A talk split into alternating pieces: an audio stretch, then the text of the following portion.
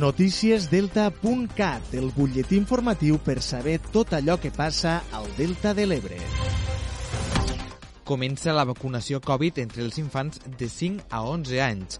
Este dimecres comença la vacunació Covid entre els infants de 5 a 11 anys. Es tracta d'una vacuna diferent a les que s'administra per adults i, per tant, de moment, la campanya només es realitza als diferents punts de vacunació massiva del territori com Roquetes, Amposta i Morala Nova.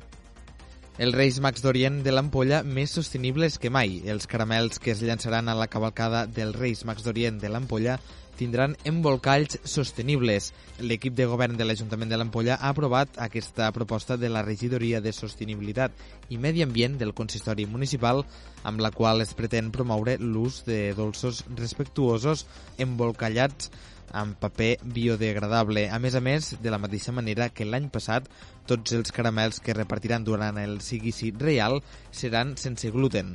Així, els 145 quilograms que es llançaran seran totalment aptes per a celíacs. Una nova plataforma monitoritzarà l'activitat turística de les Terres de l'Ebre. Esta nova plataforma monitoritzarà a través de sensors i càmeres d'infrarrojos l'activitat turística de 31 cellers 10 espais patrimonials i 13 platges de tota la demarcació. A través de la geolocalització, l'eina permet saber afluències, pics de visites o tendències estacionals, entre d'altres. Tota aquesta informació es posarà a l'abast del sector turístic amb l'objectiu de fer així més competitives les dues destinacions turístiques, la Costa Daurada i la de les Terres de l'Ebre. La plataforma creada per Eurecat i la Diputació serà de fàcil accés. Escoltem ara Jaume Salvat, director d'innovació d'Eurecat. La combinació d'això ens permet, per exemple, veure quines són les hores de màxima afluència, quanta gent hi ha en aquell, en aquell moment.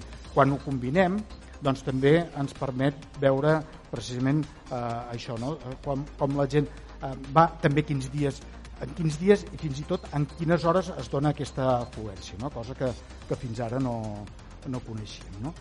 L'objectiu és posar aquesta informació a l'abast del sector. El software treballa amb més de 270 indicadors amb la possibilitat de múltiples filtrats. Podeu continuar informats a través del portal delta.cat.